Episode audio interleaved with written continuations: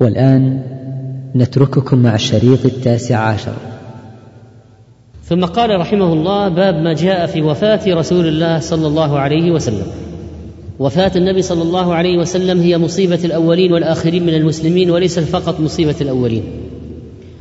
وهي أعظم مصيبة نزلت بالأمة ولا يعرف مصيبة أبدا مثل هذه المصيبة ولم يمر ولم يحدث.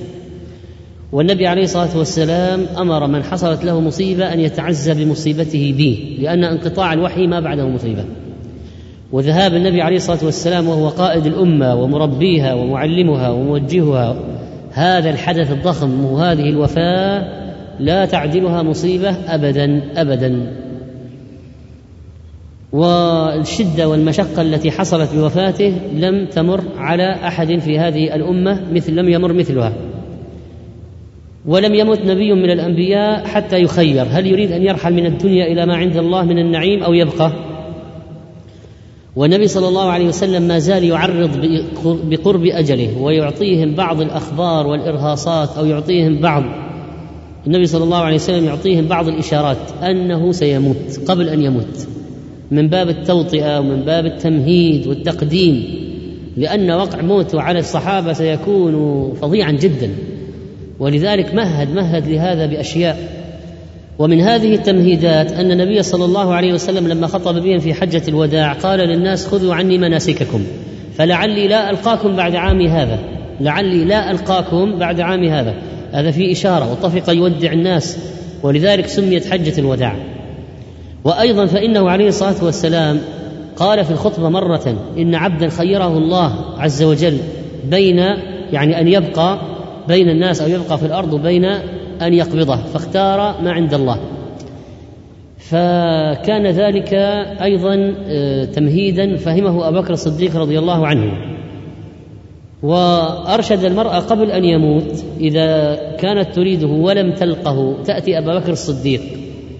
وقال اقتدوا بالذين من بعد أبو بكر وعمر. ومهد بتقديم ابا بكر في الصلاة. هناك تمهيدات كثيرة حصلت من النبي عليه الصلاة والسلام قبل أن يموت لأن الوقع سيكون ضخما جدا.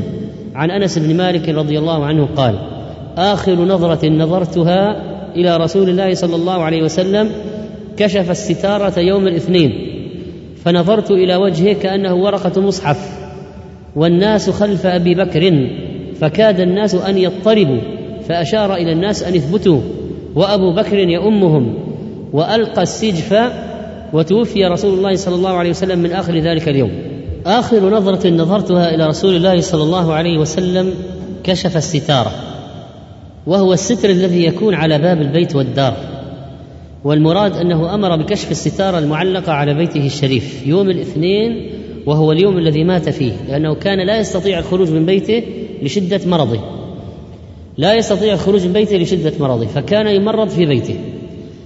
أراد أن يطل على أصحابه فأمر بكشف الستارة يوم الاثنين فألقى نظرة عليهم وهم في المسجد.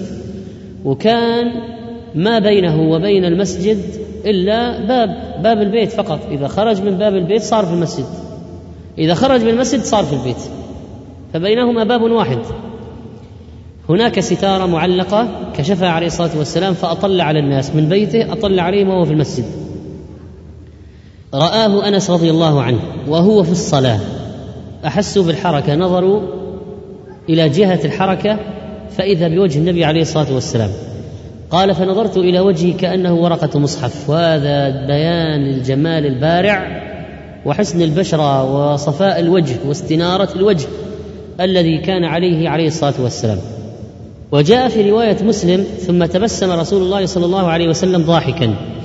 وسبب تبسمه فرحه عليه الصلاة والسلام بما رأى من اجتماع أصحابه على الصلاة أن المسلمين تبع لإمام واحد وأن شريعته مقامة وأن الصلاة مستمرة وأنه بالرغم من مرضه وعدم خروجه إلى الناس إلا أن عمود الدين قائم عمود الدين هو الصلاة. وأن الكلمة متفقة والقلوب مجتمعة على أبي بكر الصديق الآن في الصلاة. ولهذا استنار وجهه عليه الصلاة والسلام على عادته إذا رأى ما يسره استنار وجهه. وكذلك فإن هذه الطلة منه عليه الصلاة والسلام عليهم هذه نظرة الوداع. وفي هذا الحديث ما كان عليه الصلاة والسلام يتمتع به من الجمال البارع البديع وهو أجمل الناس منظرا وخلقا وخلقا. والناس خلف أبي بكر الصديق كان ذلك في صلاة الصبح. صلاة صبح يوم الاثنين كان فيها نظرة الوداع. فكاد الناس أن يضطربوا لما رأوه اوشكوا أن يقطعوا صلاتهم من فرط فرحتهم به ولعلهم تفاءلوا بعافيته وأن كشف الستاره وهذه النظره إليهم لعلها تعني بأنه سيعاود آه، سيعود إلى حاله من الصحة. ولكن كانت تلك في الحقيقة نظرة وداع والحديث هذا فيه شدة محبة الصحابة النبي صلى الله عليه وسلم. فكادوا أن يفتتنوا أن يقطعوا صلاتهم. سماها افتتانا يعني الذي يقطع صلاته بغير سبب لا شك أنها فتنة مصيبة. فكادوا أن يفتتنوا كادوا أن يشغلوا عن الصلاة أو يقطعوا الصلاة بفرحهم به. فأشار إلى الناس أن اثبتوا كونوا ثابتين على الصلاة وعلى ما أنتم عليه في الصف لا أحد يتحرك.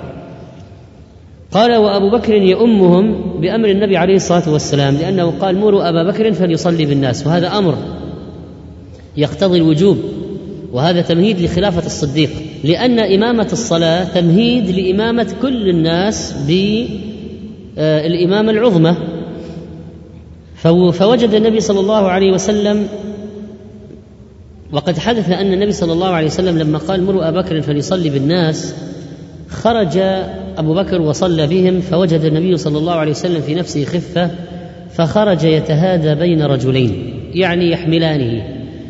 يقول كأني الراوي أنظر إلى رجليه أنظر رجليه تخطان من الوجع.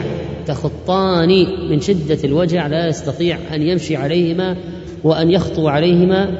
فأراد أبو بكر أن يتأخر فأومأ النبي صلى الله عليه وسلم أن مكانك ثم أتي به حتى جلس بجانب أبي بكر الصديق رضي الله عنه. قيل للأعمش وكان النبي صلى الله عليه وسلم يصلي. وأبو بكر يصلي بصلاته والناس يصلون بصلاة أبي بكر فقال برأسه نعم رواه البخاري ومسلم. إذا الحديث هذا يدل على جواز إمامة المفضول مع وجود من هو أفضل منه ودليل على فضل الصديق على جميع الصحابة والإشارة إلى خلافته رضي الله تعالى عنه وأنه الخليفة الأول من بعده. ولهذا قال بعضهم لأبي بكر الصديق لما صارت مسألة البيعة ومن يبايع قدمك رسول الله صلى الله عليه وسلم في أمر ديننا. فمن الذي يؤخرك في دنيانا؟ إذا أمر الدين الصلاة قدمك فيه. من باب أولى اذا الآن الخلافة والإمارة أو الإمامة أن تكون لك. واستمر الصديق خليفة على الصلاة حتى مات النبي صلى الله عليه وسلم. وألقي أي أرخي السجف أي الستر وهو الذي عبر عنه اولا بالستارة. وقال بعضهم إن الفرق بين السجف والستر أو الستارة أن السجف مشقوق من الوسط كالمصراعين. فهذه ستارة إذا كانت مشقوقة من الوسط تفتح آه، على شقين فتكون سجفا. وإذا كانت قطعة واحدة ستارة. وتوفي رسول الله صلى الله عليه وسلم من آخر ذلك اليوم يعني آخر يوم الاثنين. قال ابن حجر رحمه الله تعالى بأن أو نقل ابن حجر رحمه الله تعالى عن موسى بن عقبة عن ابن شهاب أنه صلى الله عليه وسلم مات حين زاغت الشمس. وعن عائشة رضي الله عنها قالت كنت مسندة النبي صلى الله عليه وسلم إلى صدري أو قالت إلى حجري فدعا بطست ليبول فيه ثم بال فمات. أخرجه ابن خزيمة وفيه ثم مال فمات بدل ثم بال فيه. وهو عند الشيخين دون ذكر البول. وقولها كنت مسندة النبي صلى الله عليه وسلم إلى صدري أو قالت إلى حجري وحجر الإنسان هو حضنه. وهو ما دون الإبط إلى الكشح. وفي رواية مات النبي صلى الله عليه وسلم وإنه لبين حاقنتي وذاقنتي رواه البخاري. وهذا أدق. والحاقنة أسفل الذقن. والذاقنة ما علا منه. أي كان رأسه بين حنكها وصدرها رضي الله تعالى عنها. بين الحنك وبين الصدر. هنا المنطقة التي كان فيها رأس النبي عليه الصلاة والسلام من عائشة وفي رواية قالت توفي النبي صلى الله عليه وسلم في بيتي وفي نوبتي وبين سحري ونحري والسحر هو الرئة والنحر معروف وجمع الله بين ريقي وريقه رواه البخاري.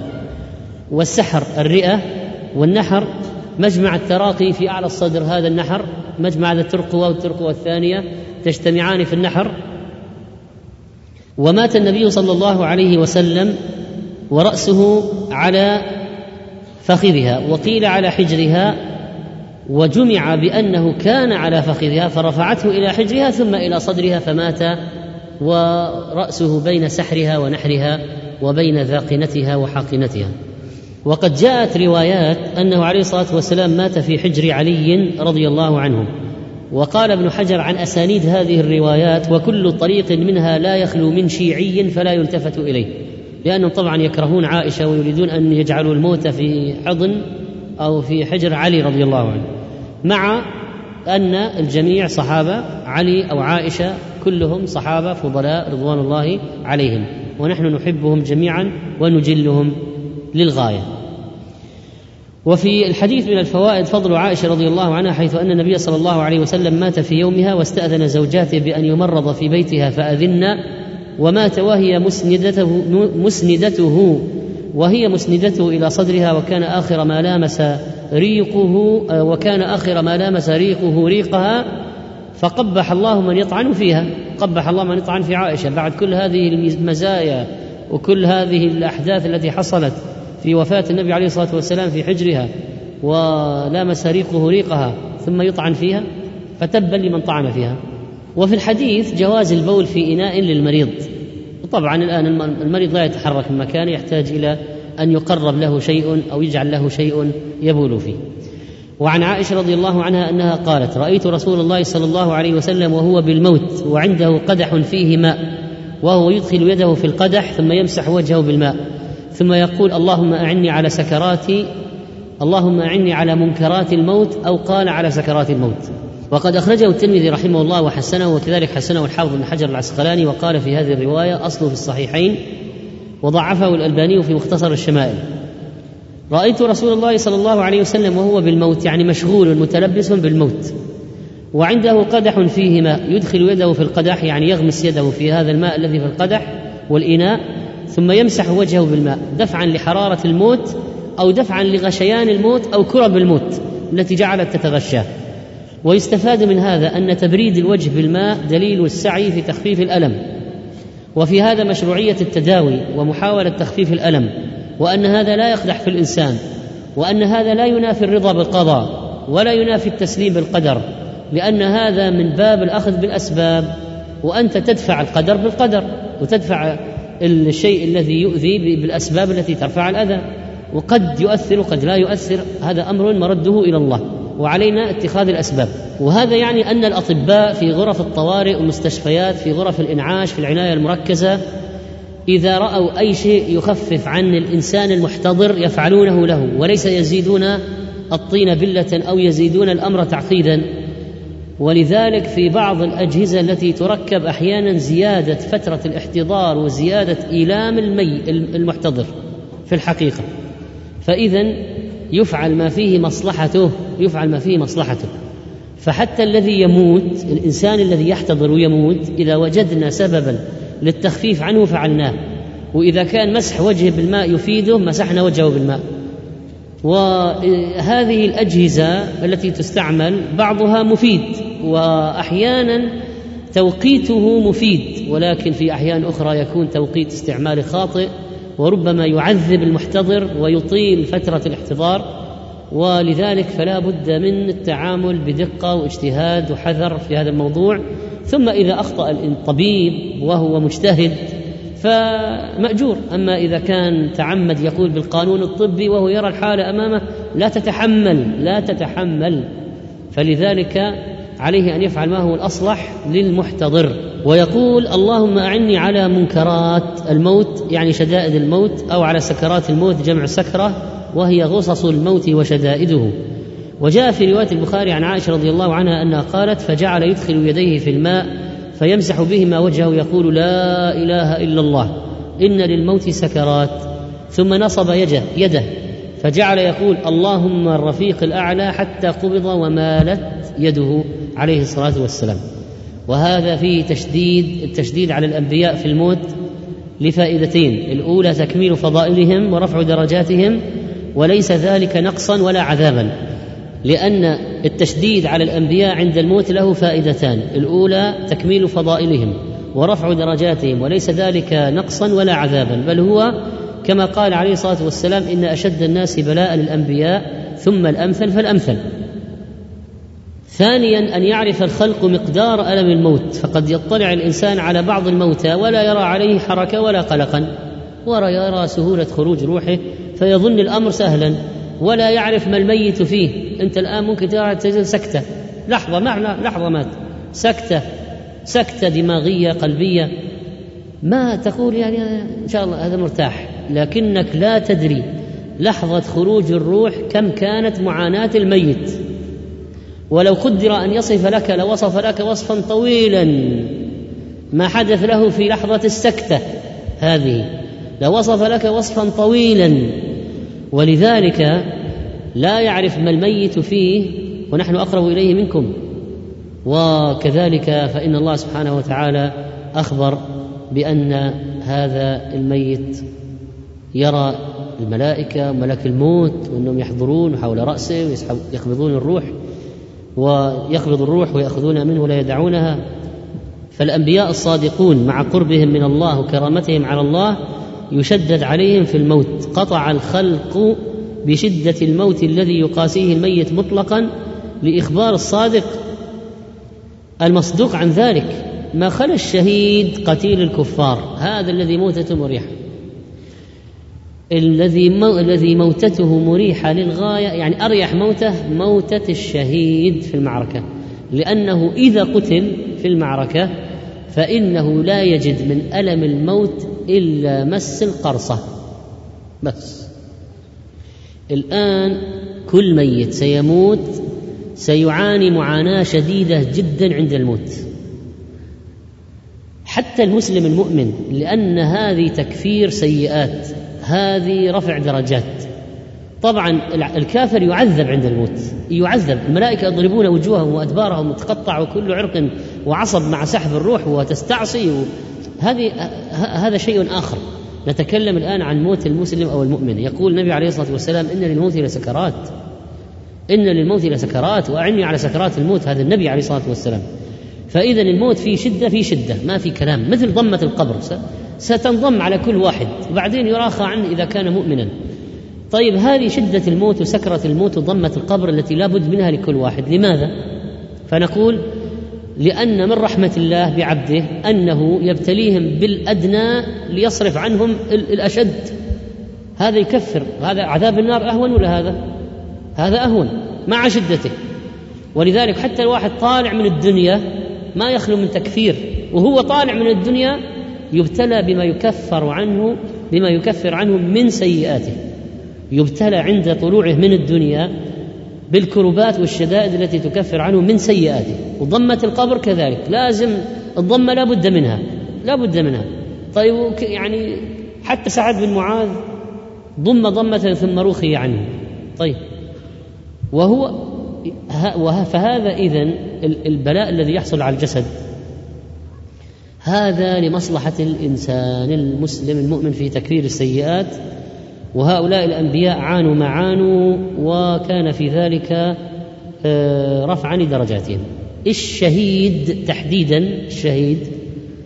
هذا إذا قتل يعني أسهل ميتة وأسهل خروج من جهة يعني أسهل أقل ألما أقل الناس ألما عند الموت الشهيد. أقل الناس ألما عند الموت الشهيد. لأنه لا يحس من كل العملية إلا مثل مس القرصة. بس فقط. مس القرصة. كيف القرصة؟ ألم القرصة؟ بس هذا كل شيء. كرامة من الله للشهداء. والحديث فيه أن للموت غمرات وسكرات لا يسلم منها حتى الأنبياء فكيف بمن هو دونهم؟ وفيه أن شدة الموت لا تدل على نقص المرتبة بل هي للمؤمن زيادة في حسناته وتكفير لسيئاته ورفعة في درجاته. وعن عائشة رضي الله عنها قالت لا أغبط أحدا بهون موت. هذا فقه. هذا فقه عائشة. تقول لا أغبط أحدا بهون موت بعد الذي رأيت من شدة موت رسول الله صلى الله عليه وسلم. الحديث أخرجه الترمذي أيضا في سننه وهو حديث صحيح وقولها لا أغبط أحدا يعني لا أشتهي أن يكون لي مثله. ولا أتمنى ولا أفرح. بهون موت ليه؟ لماذا لا تفرح؟ لماذا لا تفرح بهون إذا إذا إذا هان الموت على واحد أو كان وقعه عليه سهلا أو أنه ما عانى ولا تألم منه التألم الشديد ما تتمنى ولا تفرح ولا تغبط أحد على هون موت بعد الذي رأيت من شدة موت رسول الله صلى الله عليه وسلم فإذا هي تقول إن يعني الموت السهل جدا ليس منقبة. لو كان يعني مكر منقبة كان النبي عليه الصلاة والسلام أولى فيها. فتقول أنا رأيت الشدة التي عانى منها عند الموت. فما أتمنى إني أنا يعني لي مصير الميتة السهلة البسيطة جدا لأن النبي لأن لو كانت هذه مكر منقبة لكانت لكان النبي عليه الصلاة والسلام أولى بها. ومرادها على كل حال إزالة ما تقرر في النفوس من تمني سهولة الموت. يعني كل واحد يقول يا ريت تكون ميتتي سهلة يا ريت تكون ميتتي سهلة. لكن أنت ما تدري لو كانت الميتة فيها مشقة وصعوبة يكون التكفير الحاصل فيها للمؤمن طبعا للمؤمن. يكون شيئا عظيما. في مصلحته في النهاية مثل الذي يشرب الدواء المر من أجل أن يزول الألم الأشد. في أدوية مرة جدا. ما الذي يحمل الناس على الحجامة؟ حجامة فيها قطع وإخراج دم دم. ما الذي يحمل الناس على الكي؟ الكي بنار في لذعة النار. لأنه يبتغي النجاة من الشيء الأسوأ والشيء الأشد. وعن عائشة رضي الله عنها قالت لما قبض رسول الله صلى الله عليه وسلم اختلفوا في دفنه. فقال أبو بكر سمعت من رسول الله صلى الله عليه وسلم شيئا ما نسيته. قال ما قبض الله نبيا إلا في الموضع الذي يحب أن يدفن فيه ادفنوه في موضع فراشه. أخرجه الترمذي وهو حديث صحيح. لما قبض رسول الله صلى الله عليه وسلم وتحققت وفاته تحققت وفاته اختلفوا في دفنه. يعني هل يدفن بمكة؟ هل يدفن في المدينة؟ هل يدفن في البقيع؟ هل يدفن أين يدفن؟ فتدخل أبو بكر الصديق رضي الله عنه حاسما الموضوع بحديث سمعه من النبي عليه الصلاة والسلام قبل موته. ما هو؟ قال سمعت من رسول الله صلى الله عليه وسلم شيئا ما نسيته. إذا بقي يحفظه حتى جاء وقت الحاجة إليه عند الخلاف في مكان دفن النبي عليه الصلاة والسلام. ما هو؟ قال ما قبض الله نبيا إلا في الموضع الذي يحب أن يدفن فيه. ادفنوه في موضع فراشه. الفراش اللي مات عليه احفروا تحته وادفنوه فيه. قال الحافظ ابن كثير رحمه الله قد علم بالتواتر أنه صلى الله عليه وسلم دفن في حجرة عائشة التي كانت تختص بها شرقي مسجده في الزاوية الغربية القبلية من الحجرة. اذا أين تقع الحجرة؟ شرق المسجد. وفي أي زاوية من الحجره من الحجرة دفن؟ الحجرة شرق المسجد. وكل حجرة لها أربع زوايا. ففي أي زاوية من المسجد دفن؟ في الزاوية الغربية القبلية. الغربية القبلية. ومعروف أن القبلة قبلة المدينة جنوب. قبلة المدينة جنوب. فقالت الغربية القبلية. فقال يعني ابن كثير رحمه الله في الزاوية الغربية القبلية من الحجرة ثم دفن فيها يعني في الحجرة أبو بكر ثم عمر رضي الله عنهما. والحكمة من دفن حيث مات إكراما له حيث لم يفعل به إلا ما يحبه. ولو قال قائل يعني هذا يدل على جواز الدفن في البيوت يعني واحد إذا مات ندفنه في بيته؟ نقول لا. هذا من الخصائص النبوية. من الخصائص النبوية. وأما الموتى يدفنون في المقابر مقبرة المعروفة. المقبرة طبعا وقف أرضها أرض وقف للمسلمين يدفن فيها. المقبرة ما فيها بنيان ولا في أضرحة. المقبرة تربة تحفر ويدفن فيها. وعن ابن عباس وعائشة رضي الله عنهم أن أبا بكر قبل النبي صلى الله عليه وسلم بعدما مات. أخرجه النسائي وابن ماجه وهو حديث صحيح.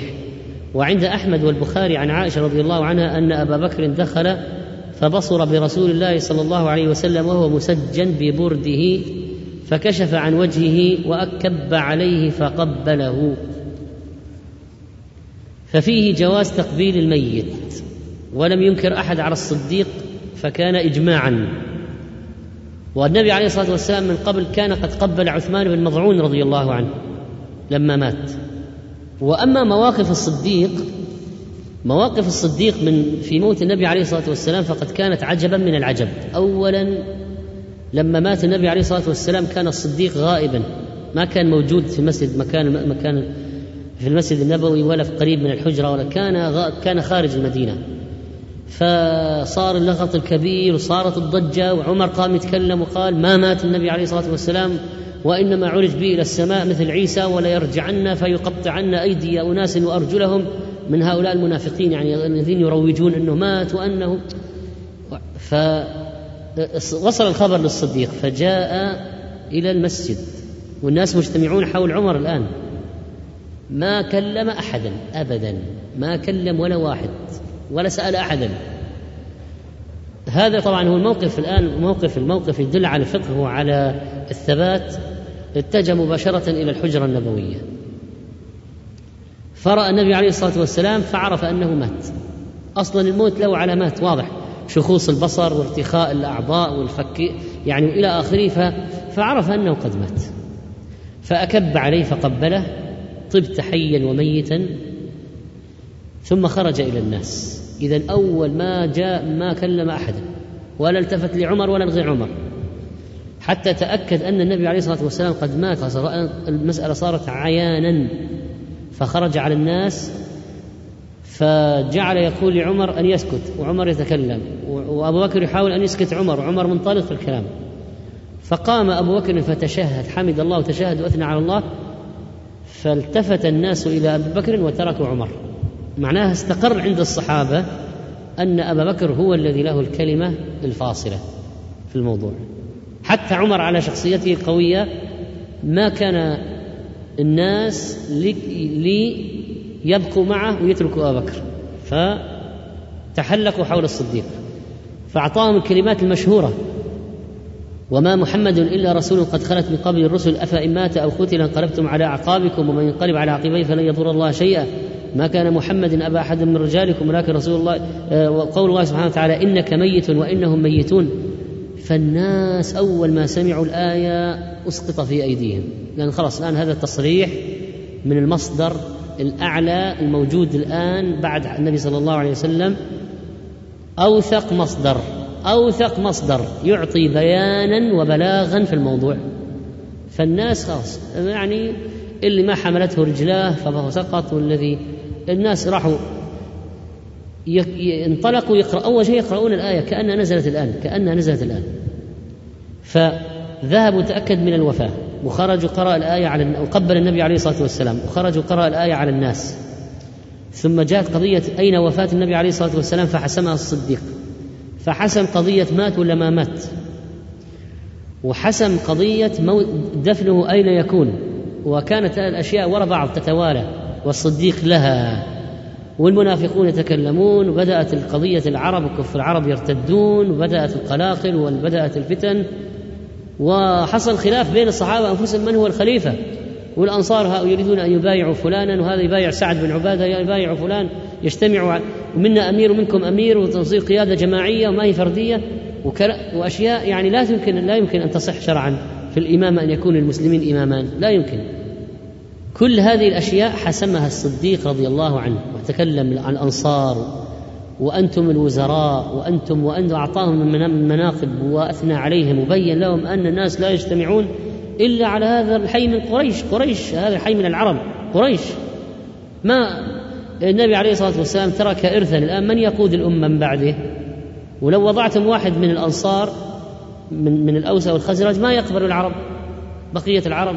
لا يرون أن الأوس والخزرج أرفع مكانة. وانفرط تنفرط القضية. لا العرب لا تخضع إلا لهذا الحي وهو قريش. ولذلك النبي عليه الصلاة والسلام قال الأئمة من قريش. ولذلك فإن الصديق رضي الله عنه اتخذ مواقف عظيمة في وفاة النبي عليه الصلاة والسلام. اجتمعت الأمة عليه هو الذي جمعهم وإلا تفرقت الأمة شذر مذر وكان موقفه من من حرب المرتدين واضحا وحاسما وإخراج جيش أسامة. في الصديق اتخذ قرارات عجيبة جدا جدا. وما حد ما لم يكن أحد مثله ولا عمر بن الخطاب رضي الله عنه. وعن عائشة أن أبا بكر دخل على النبي صلى الله عليه وسلم بعد وفاته فوضع فمه بين عينيه ووضع يده على ساعديه وقال ونبياه وصفياه وخليلاه راه أحمد وحسنه الألباني. وفي رواية أنه أتاه من قبل رأسه فحدر فاه فقبل جبهته. ثم قال ونبياه ثم رفع رأسه فحدر فاه وقبل جبهته. ثم قال وصفياه ثم رفع رأسه وحدر فاه وقبل جبهته. ثم قال وخليلاه فيكون اذا قد قبلوا ثلاث مرات. ولابن أبي شيبة عن ابن عمر فوضع فاه على جبين رسول الله صلى الله عليه وسلم فجعل يقبله ويبكي ويقول بأبي وأمي طبت حيا وميتا. وفيه دليل على جواز عد أوصاف الميت إن كان أهلا لذلك بلا نياحة وبلا غلو. وعن أنس قال يصف الوضع الذي حصل بالمدينة لما مات النبي عليه الصلاة والسلام ويصف حال المجتمع ويصف حال الناس والصحابه لما كان اليوم الذي دخل فيه رسول الله صلى الله عليه وسلم المدينة أضاء منها كل شيء. متى؟ متى؟ لما دخل لما دخل المدينة. يعني هذا متى كان دخوله؟ لما هاجر. هذا أول دخوله. لما كان اليوم الذي دخل فيه رسول الله صلى الله عليه وسلم المدينة أضاء منها كل شيء. فلما كان اليوم الذي مات فيه أظلم منها كل شيء. وهذه النور والظلمة ليست يعني ليست قضية أوهام هذا حقيقة. هو يقول لما كان اليوم الذي دخل فيه رسول الله صلى الله عليه وسلم المدينة أضاء منها كل شيء. فلما كان اليوم الذي مات فيه أظلم منها كل شيء. وما نفضنا أيدينا من التراب وإنا لفي دفنه صلى الله عليه وسلم حتى أنكرنا قلوبنا. تغيرت. ما هي التي يعرفون؟ رواه الترمذي وهو حديث صحيح. لما كان اليوم الذي دخل فيه رسول الله صلى الله عليه وسلم المدينة أضاء منها كل شيء تنورت بدخوله. طبعا هنا نور حسي ونور معنوي يعني مثل نور الهداية. حس هذا نور معنوي. وفي النور نور الفجر نور الصباح نور الشمس. هذا نور حسي. أنت تراه. هذا نور حسي. فلما كان اليوم الذي مات فيه أظلم منها كل شيء فإذا الإنارة الأول, الأول الأولى نور الهداية العامة. الأنوار التي تمحو الظلمة. تمحو النور الذي يمحو إيش؟ الشرك. النور الذي يمحو الكفر. النور الذي يمحو ظلمة الجاهلية. اذا أضاء كل شيء. فطمس أو أزال وأذهب ظلمة الجاهلية ظلمة الشرك ظلمة المعاصي. قال فلما كان اليوم الذي مات فيه أظلم منها كل شيء لفقد النور والسراج. والمقصود هنا بالظلمة طبعا ليس عودة الجاهلية لأن الحمد لله بوجود الصحابة رضي الله عنهم بعد وفاة النبي صلى الله عليه وسلم آه، بوجود الصحابة رضوان الله تعالى عليهم بعد وفاة النبي عليه الصلاة والسلام الإسلام باقي. لكن لا شك أنه ما هو مثل لما كان موجودا. وبالتأكيد أن هناك فرقا كبيرا بين المدينة في عهده عليه الصلاة والسلام وبعده. وأن الصحابة احسوا بالفرق. وأن الصحابة احسوا بالفرق. لقد حصلت أشياء كثيرة من الفروق التي كانت قبل وبعد. معرفة هذه الفروق أو ماذا حصل في المدينة لا شك أن هذا يحتاج إلى آه، نقل من الصحابة أنفسهم ما الذي شعروا به عند آه، وفاة النبي صلى الله عليه وسلم.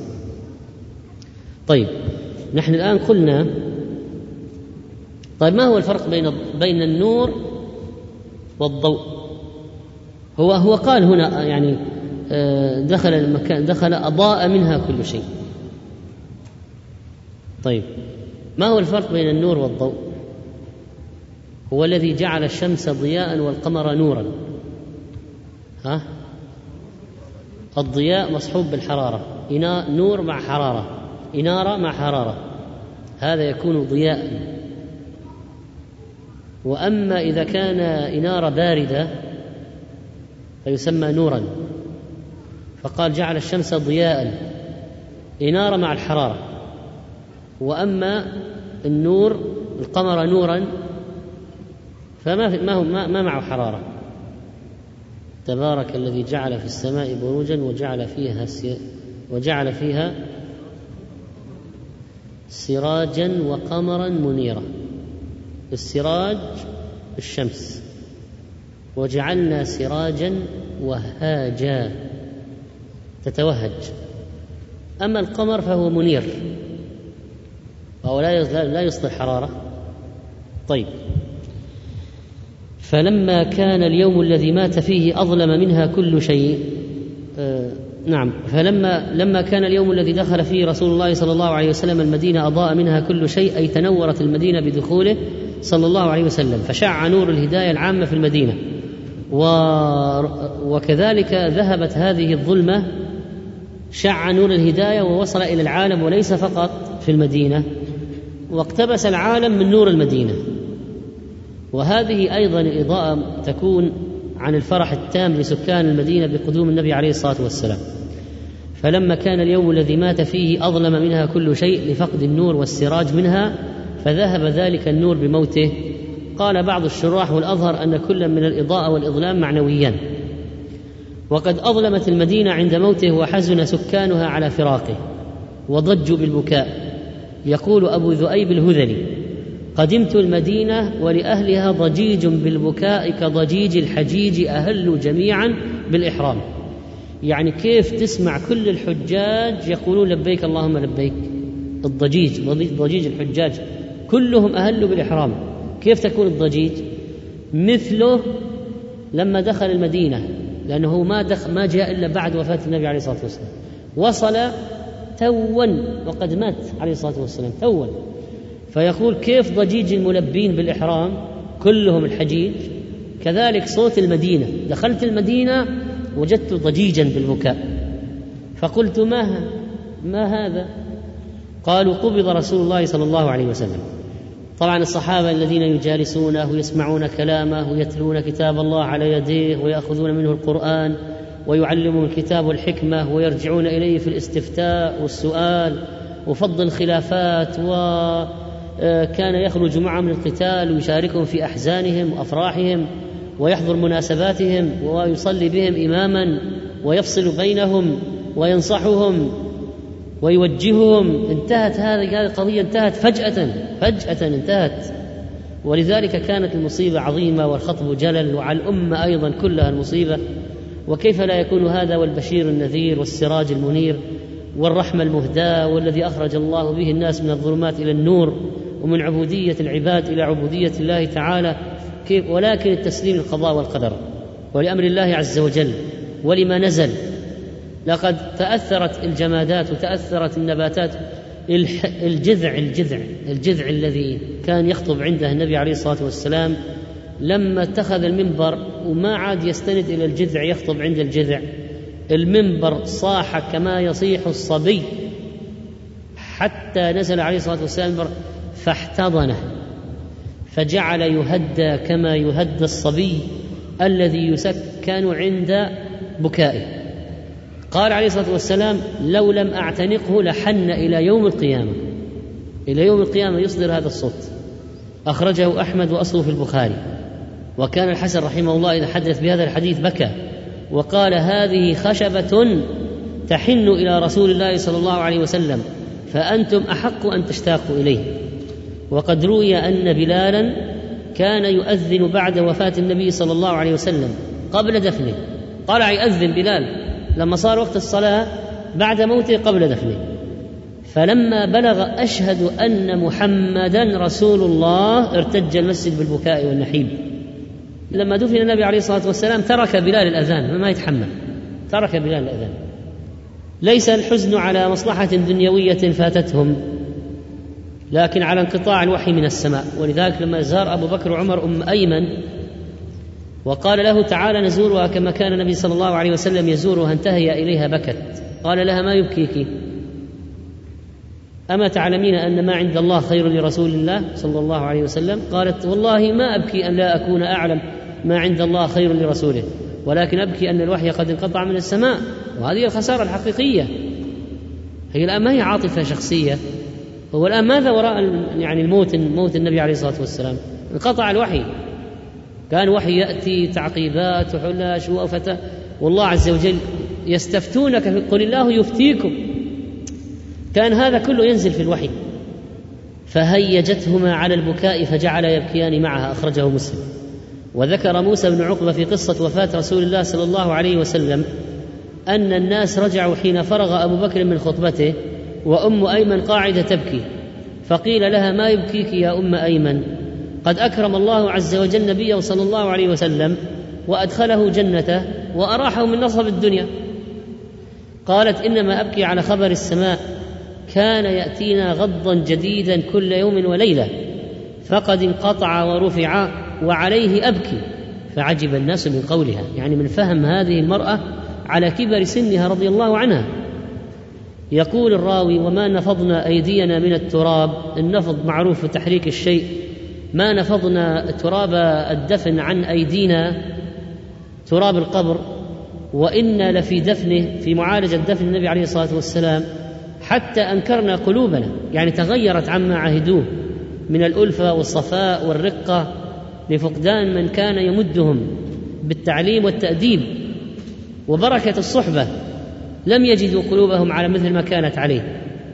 وهذا لا يعني أنه صار فيها آه، شيء آخر غير الإيمان. معاذ الله. لكن ما هو مثل الأول. مهما كان ما هو مثل الأول. وعن عائشة رضي الله عنها قالت توفي رسول الله صلى الله عليه وسلم يوم الاثنين. أخرجه البخاري. قال ابن رجب وكانت وفاته صلى الله عليه وسلم في يوم الاثنين في شهر ربيع الأول بغير خلاف. ولكن اختلفوا في تعيين ذلك اليوم من الشهر. فقيل كان أوله وقيل ثانية وقيل ثاني عشرة أو ثالث عشرة أو خامس عشرة. والمشهور بين الناس أنه كان ثاني عشر ربيع الأول. و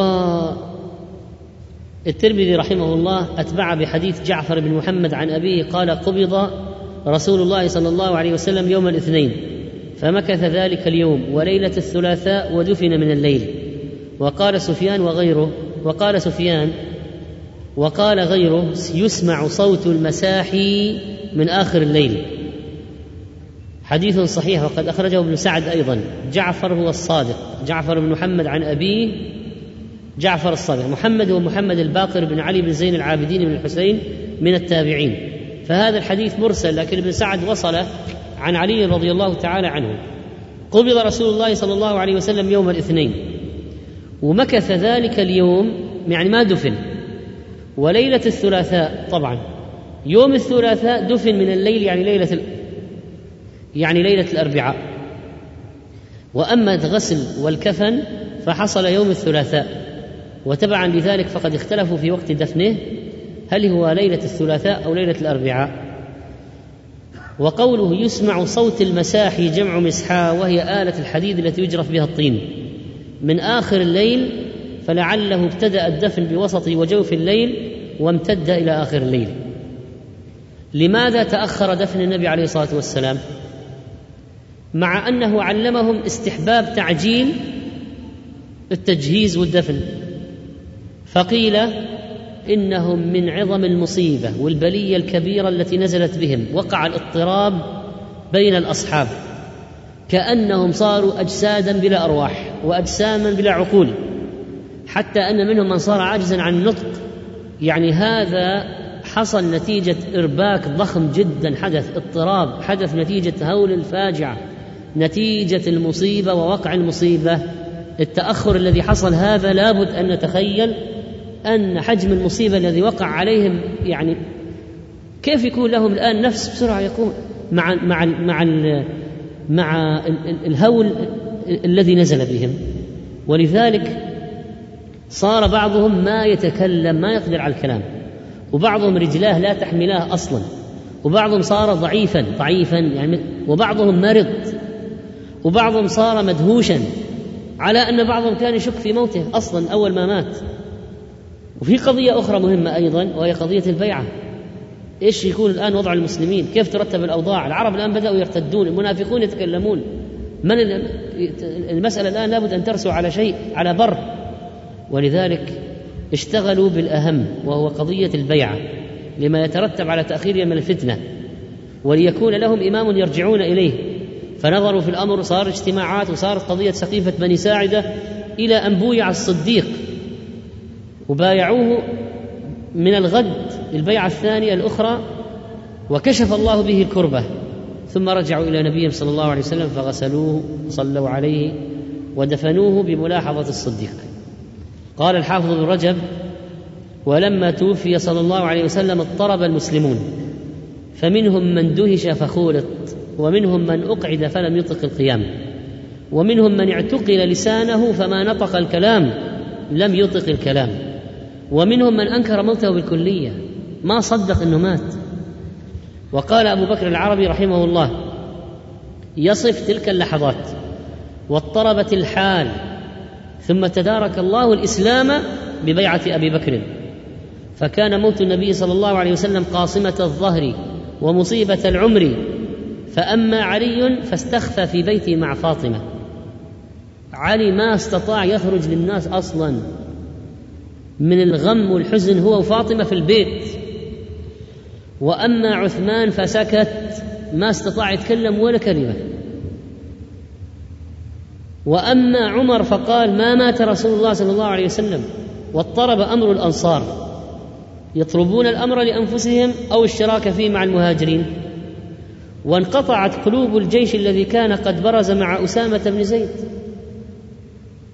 الحديث فيه جواز الدفن ليلا لأن المساحي أصوات المساحي سمعت بالليل. وعلى إجازته أكثر العلماء لأن الليل ليس فيه وقت تكره فيه الصلاة. لكن هناك ثلاث ساعات تكره فيها الصلاة ينهى فيها عن دفن الموتى. وأيضا الحديث فيه جواز تأخير دفن الميت للحاجة كمراعاة حضور قريبه أو ما أشبه ذلك. ولكن بلا شك ولا ريب أن السنة تعجيل الدفن. وعدم تأخير الميت وإكرامه دفنه وحتى عندما يحملونه ما يمشون به ببطء وإنما يستعجلون بالجنازة لأنه إما خير يقدمون إليه فليش يحرم منه ولا ولا خمس دقائق؟ ليش يؤخر عن الخير الذي ينتظره في قبره؟ وإذا كان شر أحسن واحد يضعه عن عنقه في أقرب فرصة. ولذلك قال أسرعوا بالجنازة. تشيل جنازة تسرع فيها. طبعا ليس ليس الجري والهرولة الذي يسقطها لكن الإسراع الإسراع والجد يعني ولذلك من منكرات اليهود والنصارى أنهم أو نحن نقول النصارى إذا إذا مات الميت وضعوه على عربة مدفع وأطلقت وعملوا جنازة طويلة عريضة ويمشي العسكريون في مقدمتها مشيا بطيئا جدا جدا. طبعا لا عقل ولا نقل ولا دين ولا شيء لكن هكذا ويقولون مراسم دفن الميت. فإذا نظرت إلى جنائزهم أو جنائز كبرائهم كيف هؤلاء يدفنون كبراءهم؟ هذه الطريقة. وفي موسيقى عسكرية وفي يعني يودعونه بالمعاصي والبدع. أما المسلمون غاية الإكرام تغسيل وتكفين وصلاة عليه وإسراع بالجنازة والدفن. وهذه أشياء واجبة ولا بد أن تفعل للميت. ختم الترمذي رحمه الله هذا الباب في حديث أبي سلمة بن عبد الرحمن بن عوف قال توفي رسول الله صلى الله عليه وسلم يوم الاثنين ودفن يوم الثلاثاء. وضعف إسناد الألباني في تعليقه ذكر وجه نكارته لمخالفته لحديث عائشة أنه عليه الصلاة والسلام دفن ليلة الأربعاء مات يوم الاثنين بقي إلى الثلاثاء دفن الأربعاء ليلة الأربعاء في الليل في الليل. دفن بالليل. فنسأل الله سبحانه وتعالى أن يجزيه خير ما جزى نبيا عن أمته وأن يجعلنا من أهل شفاعته وأن يجعلنا تحت لوائه يوم الدين وأن يجمعنا به في جنات النعيم. وصلى الله وسلم على نبينا محمد وعلى آله وصحبه أجمعين. الحمد لله رب العالمين وصلى الله على نبينا محمد وعلى آله وصحبه أجمعين. وبعد فقد قال الإمام الترمذي رحمه الله تعالى في كتابه الشمائل المحمدية باب ما جاء في وفاة رسول الله صلى الله عليه وسلم قال عن سالم بن عبيد وكانت له صحبة قال أغمي على رسول الله صلى الله عليه وسلم في مرضه فأفاق فقال حضرت الصلاة؟ فقالوا نعم فقال مروا بلالا فليؤذن ومروا أبا بكر أن يصلي للناس أو قال بالناس. ثم أغمي عليه فأفاق فقال حضرت الصلاة؟ فقالوا نعم. فقال مروا بلالا فليؤذن ومروا أبا بكر فليصلي بالناس. فقالت فقالت عائشة إن أبي رجل أسيف. إذا قام ذلك المقام بكى فلا يستطيع فلو أمرت غيره. قال ثم أغمي عليه فأفاق. فقال مروا بلالا فليؤذن وامروا أبا بكر فليصلي بالناس فإن كن صواحب أو صواحبات يوسف. فأمر فأمر بلال فأذن. وأمر أبو بكر فصلى بالناس ثم إن رسول الله صلى الله عليه وسلم وجد خفة فقال انظروا لي من أتكئ عليه. فجاءت بريرة ورجل آخر فاتكأ عليهما. فلما رآه أبو بكر ذهب لينكص فأومى إليه أن يثبت مكانه. حتى قضى أبو بكر صلاته ثم إن رسول الله صلى الله عليه وسلم قبض. توفي. فقال عمر والله لا أسمع أحدا يذكر أن رسول الله صلى الله عليه وسلم قبض إلا ضربته بسيفي هذا. وكان الناس أميين لم يكن فيهم نبي قبله فأمسك الناس. فقالوا يا سالم انطلق إلى صاحب رسول الله صلى الله عليه وسلم فادعه. فأتيت أبا بكر وهو في المسجد. فأتيته فاتيته أبكي دهشا فلما رآني قال أقبض رسول الله صلى الله عليه وسلم قلت إن عمر يقول لا أسمع أحدا يذكر أن رسول الله صلى الله عليه وسلم قبض إلا ضربته بسيفي هذا. فقال لي انطلق. فانطلقت معه. فجاء هو والناس قد دخلوا على رسول الله صلى الله عليه وسلم. فقال يا أيها الناس أفرجوا لي. فأفرجوا له. فجاء حتى أكب عليه ومسه. فقال إنك ميت وإنهم ميتون. ثم قالوا يا صاحب رسول الله صلى الله عليه وسلم أقبض رسول الله صلى الله عليه وسلم؟ قال نعم فعلموا أن قد صدق. لأن السؤال لما وجه لعمر قبله قال لا أسمع أحدا يذكر أن رسول الله صلى الله عليه وسلم قبض إلا ضربته بسيف هذا. أما أبو بكر فقال نعم فعلموا أن قد صدق فالآن استقرت الحقيقة. قالوا يا صاحب رسول الله صلى الله عليه وسلم أيصلى على رسول الله؟ قال نعم. قالوا كيف؟ قالوا وكيف؟ قال يدخل قوم فيكبرون ويصلون ويدعون. ثم يخرجون ثم يدخل قوم فيكبرون ويصلون ويدعون ثم يخرجون حتى يدخل الناس. قالوا يا صاحب رسول الله صلى الله عليه وسلم أيدفن رسول رسول الله صلى الله عليه وسلم؟ قال نعم. قالوا أين؟ قال في المكان الذي قبض الله فيه روحه. فإن الله لم يقبض روحه إلا في مكان طيب فعلموا أن قد صدق. ثم أمرهم أن يغسله بنو أبيه. واجتمع المهاجرون يتشاورون. فقالوا انطلق بنا إلى إخواننا من الأنصار ندخلهم معنا في هذا الأمر. فقالت الأنصار منا أمير ومنكم أمير. فقال عمر بن الخطاب من له مثل هذه الثلاث؟ ثاني اثنين اذ هما في الغار. إذ يقول لصاحبه لا تحزن الله معنا. من هما؟ قال ثم بسط يده فبايعه. وبايعه الناس بيعة حسنة جميلة.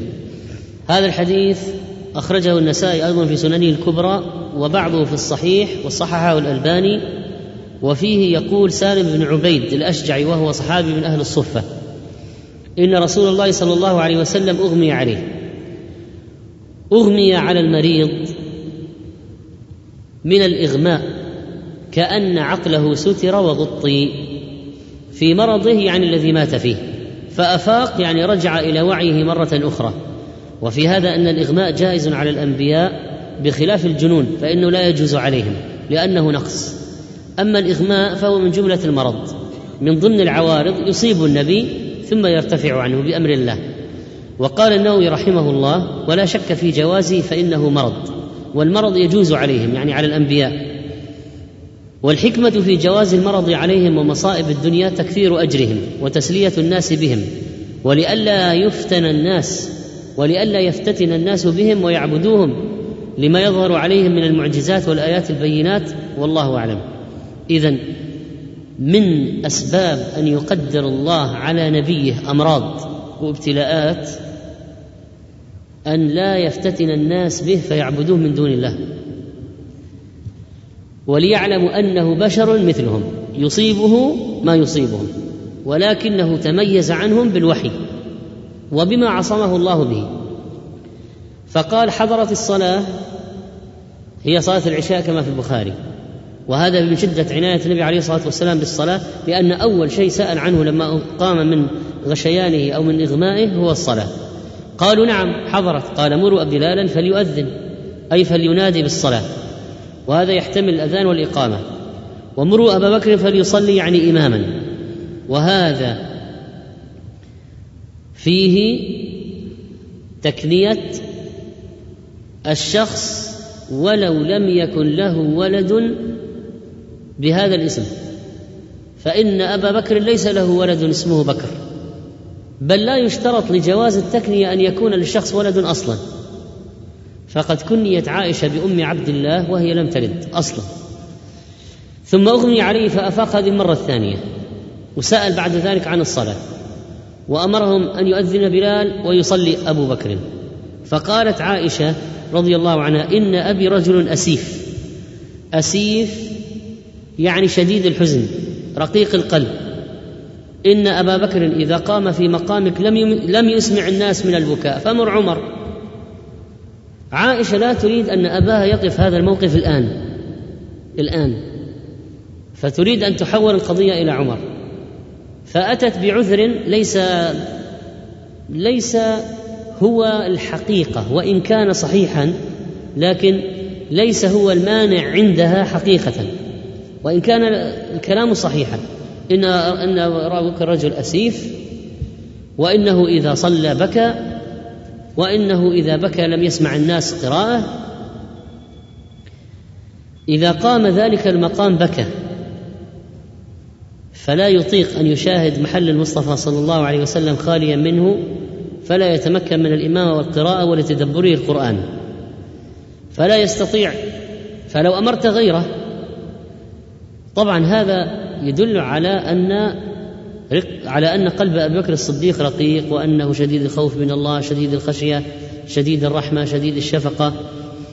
قال ثم أغمي عليه. هذه المره الثالثه لما أفاق وقد سمع كلام عائشة لما قالت إن أبي رجل أسيف إذا قام في مقامك لم يسمع الناس من البكاء فمر عمرا اغمي على النبي عليه الصلاة والسلام.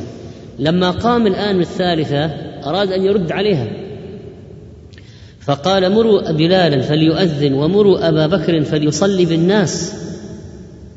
في رواية أن عائشة أمرت حفصة أن أن تخبر أباها عمر أن يصلي بالناس لما قام النبي عليه الصلاة والسلام الثالثة ووجد أن أبا بكر لم يتقدم وأن عمر جيء به ونودي فقال عليه الصلاة والسلام مه ان كن لأنتن صواحب يوسف مروا أبا بكر فليصلي للناس.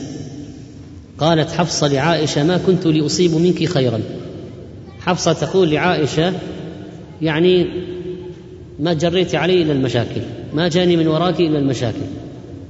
أنت تقولين لي نادي أباك عمر يصلي.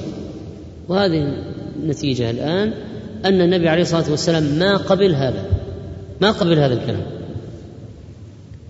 يعني إذا وافقتك في شيء أوقعتني في ورطة فلا ينالني خير بسببك. وقالت حفصة هذا لأن النبي عليه الصلاة والسلام لا يراجع بعد ثلاث. فإذا قال كلمة ثلاث مرات لا يمكن أن ترفض ويعدل عنها وتغير وتخالف أبدا. ماذا قال النبي عليه الصلاة والسلام؟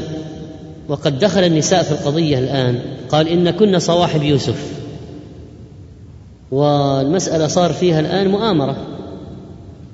صواحب أو صاحبات يوسف في إظهار خلاف الباطل. طبعا صواحب هذا جمع والآن المقصود بالكلام عائشة أساسا. فما هو ما هو المشابهة بين عائشة وامرأة العزيز في هذه النقطة وهذه المسألة؟ أن عائشة استدعت النسوة. وأظهرت لهن الإكرام بالضيافة ولكن ما هو مرادها؟ إظهار جمال يوسف للنساء لكي يعذرنها فيما افتتنت به فالآن لما فتنت امرأة العزيز بيوسف عليه السلام وراودته عن نفسه وانتشر الخبر في البلد وصارت فضيحة لامرأة العزيز. صارت فضيحة لامرأة العزيز. وقال نسوة في المدينة امرأة العزيز تراود فتاة عن نفسه. أرادت امرأة العزيز أن تريهن شيئا يعذرنها به. فالحل الآن أن تري النسوة جمال يوسف. فكيف ستري جمال يوسف؟ فامرأة العزيز لما فتنت بيوسف وأرادت إظهار لماذا فتنت بيوسف وما هو الداعي القوي؟ أرادت أن تري النساء جمال يوسف. لكنها لن تقول لهن هذه دعوة رسمية تحضرنها لأعرض لكن يوسف وجمال يوسف. فماذا قالت؟ أن وجهت دعوة عادية. واعتدت لهن متكئا. فوجهت دعوة فجئنا. لكن ليست الحقيقة أنها تريد دعوتهن لوليمة أو طعام. لا. الظاهر أنها دعوة وما وجلسة. لكن في الحقيقة تريد أن يظهر يوسف أمام النسوة. هذا السبب الباطن. والظاهر ما هو؟ إنها دعوة. والباطن ما هو أن يرى النسوة جمال يوسف عليه السلام. فعائشة أيضا المشابهة أين؟ أن عائشة قالت كلاما لا تريد ظاهره تريد شيئا آخر. فشبه النبي صلى الله عليه وسلم عائشة في إخفاء ما تريد بإظهار أمر آخر شبهتها بنسوة بصاحبات يوسف صواحب يوسف. فهذه امرأة العزيز في الظاهر أرادت الإكرام والضيافة وفي الحقيقة أرادت أن يظهر يوسف أمامهن ليرين جماله فيعذرنها فيما افتتنت به. وعائشة أرادت صرف الإمام عن أبيها كونه لا يسمع المؤمنين قراءة لبكائه لكن ما هو مرادها في الحقيقة؟ أن لا يتشاءم الناس بوجوده. مكان النبي عليه الصلاة والسلام. هي خشيت إذا ظهر أبوها في هذا المقام يعني مقام النبي عليه الصلاة والسلام. فيصير عند الناس تشاؤم يعني الآن سيموت ويخ يعني فلم تكن تظهر تريد أن يظهر هذا أمام الناس. وقد صرحت هي فيما بعد بذلك فقالت لقد راجعت رسول الله صلى الله عليه وسلم في ذلك وما حملني على كثرة مراجعته إلا أنه لم يقع في قلبي أن يحب الناس بعده رجلا قام مقامه ابدا. ولا كنت أرى أنه لن يقوم أحد مقامه إلا تشاءم الناس به. يعني أن من الذي سيخلف النبي عليه الصلاة والسلام؟ ومن الذي سيقوم مقامه؟ فالناس لن يرتاحوا ابدا لبديل. هكذا فتقول سيتشاءم به الناس. لو قام مقامه سيتشاءم به الناس. فأنا لا أريد أن يتشاءم الناس بأبي. لا أريد لأبي هذا الموقف. فهذا الشيء الحقيقي الذي أرادته أخفته بماذا؟ إن أبا بكر رجل أسيف واذا قام يقرأ القرآن لا يسمع الناس ونحو ذلك. فالنبي عليه الصلاة والسلام أدرك ماذا تريد. فأمر بلالا أن يؤذن وأبا بكر أن يصلي بالناس. ثم إن رسول الله صلى الله عليه وسلم وجد خفة. فقال انظروا لي من أتكئ عليه. يعني لأخرج إلى الصلاة. فجاءت بريرة. وهي جارية عائشة ورجل آخر فاتكأ عليهما. وجاء في رواية البخاري أنه اتكأ على رجلين. خرج بين العباس بن عبد المطلب وعلي بن أبي طالب. ويجمع بين ذلك بأنه خرج من البيت إلى المسجد بين آه، بريرة والرجل الآخر ثم إلى مقام الصلاة بين العباس وعلي. أو يحمل على التعدد إنه خرج مرة بين هذين ومرة بين هذين. فقد جاء في رواية أنه خرج بين أسامة بن زيد والفضل بن عباس. وفي مسلم أنه خرج بين الفضل بن عباس وعلي. فلما رآه أبو بكر ذهب أي شرع وقصد لينكص يرجع إلى الخلف ليتقدم النبي عليه الصلاة والسلام. لما أحس الناس به سبحوا كما جاء عند ابن ماجه بسند حسن. الناس لما رأوا النبي عليه الصلاة والسلام أبو بكر ما انتبه لأنه كان إذا دخل في الصلاة لا يلتفت لا يعير انتباها لأي حركة أخرى من شدة خشوعه. فالناس انتبهوا. والنبي صلى الله عليه وسلم لما خرج أراد الناس أن يتنبه أبو بكر لمجيء النبي عليه الصلاة والسلام فجعلوا يسبحون حتى انتبه الصديق رضي الله تعالى عنه. وفي هذا ما كان عليه الصديق من الأدب الجم فإنه لما شعر أن النبي عليه الصلاة والسلام جاء أراد أن يتأخر فاومى النبي عليه الصلاة والسلام له أن يثبت مكانه. أثبت مكانك. فاومى إليه بأن لا يتأخر حتى قضى أبو بكر صلاته وأتمها. اختلف العلماء في كيفية هذه الصلاة. هل كان أبو بكر إماما أو مأموما؟ وهل كان النبي عليه الصلاة والسلام إماما أو مأموما؟ فقيل فقيل كان النبي صلى الله عليه وسلم إماما وأبو بكر إماما. لكن أبو بكر يأتم بالنبي عليه الصلاة والسلام والناس يأتمون بأبي بكر. وقال بعضهم أبو بكر هو الإمام والنبي عليه الصلاة والسلام مأموم صلى خلف أبي بكر. قال ابن حجر رحمه الله فمن العلماء من سلك الترجيح فقدم الرواية التي فيها أن أبا بكر كان مأموما للجزم بها. ومنهم من سلك عكس ذلك ورجح أنه كان إماما وتمسك بقول أبي بكر ما كان لابن أبي قحافة أن يتقدم بين يدي رسول الله صلى الله عليه وسلم ومنهم من حمل القصة على التعدد وقال مرة صار هذا الموقف ومرة صار هذا الموقف. ابن حجر رحمه الله مال إلى التعدد وأن هناك أكثر من قصة. مرة أبو بكر كان هو الإمام مرة أبو بكر رفض الإمامة وأصر على الرجوع للخلف. ثم إن رسول الله صلى الله عليه وسلم قبض. لما توفي عليه الصلاة والسلام وكان هذا يوم الاثنين قرابة الزوال آه، كان أبو بكر غائبا بالعالية عند زوجته بنت خارجة لأن النبي لأنه سأل النبي عليه الصلاة والسلام بالذهاب إليها. لما خرج الخبر أن النبي عليه الصلاة والسلام مات عمر سل سيفه. وقال والله لا أسمع أحدا يذكر أن رسول الله صلى الله عليه وسلم قبض إلا ضربته بسيف هذا. وجاء في صحيح ابن خزيمة عن أنس بن مالك قال لما توفي رسول الله صلى الله عليه وسلم قام عمر بن الخطاب في الناس خطيبا فقال لا أسمعن أحدا يقول إن محمدا صلى الله عليه وسلم قد مات إن محمدا صلى الله عليه وسلم لم يمت ولكن أرسل إليه ربه كما أرسل إلى موسى. يعني أن الله استدعاه للقائه مثل ما استدعى موسى للقائه. فلبث عن قومه أربعين ليلة. وعن سعيد المسيب أن عمر الخطاب قال في خطبته إني لأرجو أن يقطع رسول الله صلى الله عليه وسلم أيدي رجال وأرجلهم يزعمون أنه مات. وكان الناس أي العرب أميين.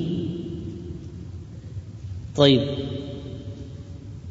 الآن القص الخبر كما قلنا وقعه على الصحابة كان شديدا جدا. أول ما جاء الخبر يكذبه الخبر الخبر الضخم الهائل. أول ما يفعل بعض الناس عندما يجي الخبر هذا التكذيب. ما حصل ما حصل. هذا ما حصل. عمر بن الخطاب رضي الله عنه رفض الخبر. أول ما سمع رفض. بل هدد أي واحد يقول إن النبي عليه الصلاة والسلام مات أن يقطع رقبته. وكان العرب أميين. طيب ما علاقة هذا بالموضوع؟ لم يكونوا يقرؤون ولا يكتبون في الجملة بالعموم. ويقال للشخص أمي إذا كان باقي على الحالة التي ولدته أمه عليها من هذه الجهة لا قراءة ولا كتابة. ولذلك يقال أمي نسبة إلى الأم لأنه بقي على الحالة التي ولدته عليها أمه من هذه الجهة أنه لا يقرأ ولا يكتب يقول هو نما وكبر تغير لكن من جهة القراءة والكتابة. فلم يتعلموا الكتب ولم يقرأوها ولا تذهلهم عظائم المحن عند وقوع الفتن ولا جرم أنهم تحيروا. في موت في أمور موته عليه الصلاة والسلام. يعني بنو إسرائيل مثلا مر عليهم أنبياء كثر وماتوا أنبياء كثر في عهد بني إسرائيل. فبنو إسرائيل عندهم خبرة في موت الأنبياء. يعني مات نبي يجي نبي بعد مات نبي يجي نبي بعد. ف يعني لو تقول لبعض بني إسرائيل آه، في وقت الأنبياء نبيكم مات يصدقون ويعني اعتادوا هذا ويعرفون كيف يتصرفون مع النبي إذا مات. لأنه مات عندهم أنبياء كثر. العرب أمة أمية وما سبق أن مات عندهم نبي ولا يعرفون كيف يتصرفون في مثل هذه الحالة ولم يقرأوا في أخبار الأمم السابقة الذين كان عندهم أنبياء لما يموت النبي ماذا يفعل؟ فلذلك لا قراءة ولا خبرة في هذا الموضوع. موضوع إذا مات النبي ماذا يفعل؟ ماذا يحدث؟ ماذا يجب أن يفعل؟ فلما يعني المسألة ما فيها مشاهدة ولا مدارسة بالنسبة للعرب. فأمسك الناس على كلام عمر كلهم سكتوا فالصديق رضي الله عنه قيل لسالم انطلق إلى صاحب رسول الله صلى الله عليه وسلم فادعه يعني إلى أبي بكر. فأتيت أبا بكر وهو في المسجد بالعوالي وقت صلاة الظهر لأن النبي عليه الصلاة والسلام مات الضحى. فأتيت أبكي دهشا متحيرا. فلما رآني قال أقبض رسول الله صلى الله عليه وسلم؟ يعني الصديق أقوى واحد في استيعاب الحقيقة هذه. بل إنه قبل أن يخبره الرجل ما الخبر هو توقعه. قال أقبض رسول الله صلى الله عليه وسلم. قلت إن عمر يقول لا أسمع أحدا يذكر أن رسول الله صلى الله عليه وسلم قبض إلا ضربت بسيفي هذا. قال لي انطلق. فانطلقت معه. فجاء والناس قد دخلوا على رسول الله صلى الله عليه وسلم. وحفوه من حوله وأحدقوا به. فقال يا أيها الناس أفرجوا لي. فرجة لأجل أن أدخل. ففتحوا له طريقا فجاء حتى أكب عليه ومسه. الآن الناس ما هم مصدقين. هم يحيطون بجسد النبي عليه الصلاة والسلام ميت ولا يدرون ما يعني ما الحقيقة. فالآن لما جاء الصديق وأكب عليه وعرف من علامات الوفاة أنه مات الناس الآن سألوه قالوا أقبض رسول الله صلى الله عليه وسلم؟ قال نعم إنك ميت وإنهم ميتون. فأول واحد عرف الحقيقة وجزم بها للناس ورد الناس إلى الصواب واجه الناس بالحقيقة هو أبو بكر الصديق رضي الله عنه وجاء حتى أكب عليه ومسه وفي البخاري أقبل أبو بكر رضي الله عنه على فرسه من مسكنه بالسنح مكان بالعوالي حتى نزل فدخل المسجد فلم يكلم الناس. كما قلنا من حكمته لما دخل المسجد والناس مجتمعون في المسجد والخبر طلع والناس مصدق ما, ما يعني لا لم يصدق أو ميل مصدق ومكذب. ما كلم أحدا حتى دخل على عائشة. والناس يحيطون بالجسد الشريف. وتيمم النبي صلى الله عليه وسلم وضع وجهه عليه وهو مسجى كشف الثوب عن وجهه وأقب أكب عليه فقبله ثم بكى. فقال بأبي أنت مفدا بأبي أنت يا نبي الله لا يجمع الله عليك موتتين. لا تحيا مرة أخرى ثم تموت. هذه هي الموتى في الدنيا واحدة. هذا قاله ردا على من قال إنه لم يمت وإنه سيبعث وإنه سيعود ليقطع أيدي رجال وأرجلهم.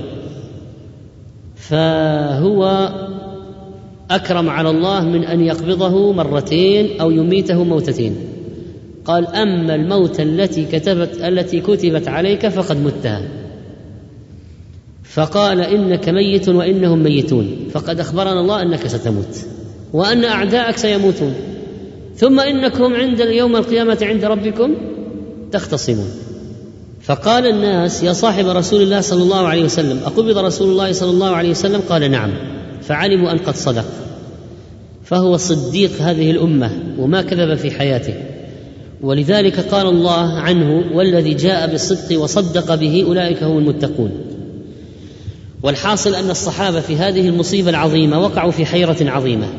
فقلنا منهم من دهش ومنهم من لم يستطع النطق ابدا ومنهم من اعتقل لسانه فلم يستطع الكلام ومنهم من أنكر موته بالكلية ومنهم من لم تحتمله رجلاه ومنهم من مرض وقعد في بيته.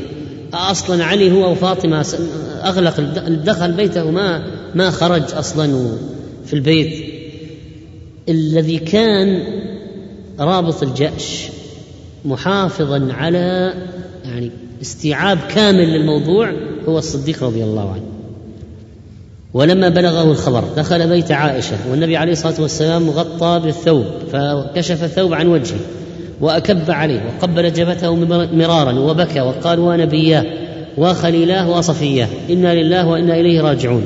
مات والله رسول الله صلى الله عليه وسلم. ثم دخل المسجد. خرج من حجرة عائشة دخل المسجد. دخل المسجد وعمر يكلم الناس والناس مجتمعون على عمر. فأراد أن يسكت عمر ما سكت عمر. فقام أبو بكر فحمد الله وأثنى عليه فأقبل الناس عليه وتركوا عمر. فقال أبو بكر رضي الله عنه من كان يعبد محمدا عليه الصلاة والسلام فإن محمدا قد مات. ومن كان يعبد الله فإن الله حي لا يموت وتلا. وما محمد إلا رسول قد خلت من قبله الرسل. أفإن مات أو قتل انقلبتم على أعقابكم فاستيقن الناس كلهم موت, موت النبي عليه الصلاة والسلام. وكأنهم لم يسمعوا هذه الآية من قبل. فتلقاها الناس من الصديق. وجعلوا يتلونها في الطرقات. قالوا يا صاحب رسول الله صلى الله عليه وسلم أيصلى على رسول الله صلى الله عليه وسلم؟ سألوه لماذا؟ لأنهم ظنوا أن له استثناء في الصلاة مثل الشهيد مثلا لا يصلى عليه. فهل يصلى عليه؟ قال نعم لأن الناس الآن يرجعون إلى أبي بكر الصديق في الأحكام يرجعون له الآن في المواقف والأحكام معرفة حقائق الأمور. قالوا كيف؟ قال يدخل قوم فيكبرون. كيف نصلي عليه الجنازة؟ كيف؟ قال يدخل قوم فيكبرون. يعني تكبيرات الجنازة أربعة. ويصلون ويدعون ثم يخرجون. وهكذا الناس يدخلون دفعات وأفواج يصلون لضيق المكان ويخرجون. حتى إذا فرغوا دخل النساء. حتى إذا فرغوا دخل الصبيان. ولم يؤم الناس على رسول الله صلى الله عليه وسلم أحد. يعني ما كان في إمام الجنازة. كل واحد يدخل هو يصلي جنازه دفعات يخرجون. قال ابن كثير رحمه الله وهذا الصنيع وهو صلاتهم عليه فرادا لم يؤمهم أحد عليه أمر مجمع عليه لا خلاف فيه. قال بعض العلماء إنما لم يؤمهم أحد ليباشر كل واحد من الناس الصلاة عليه منه إليه.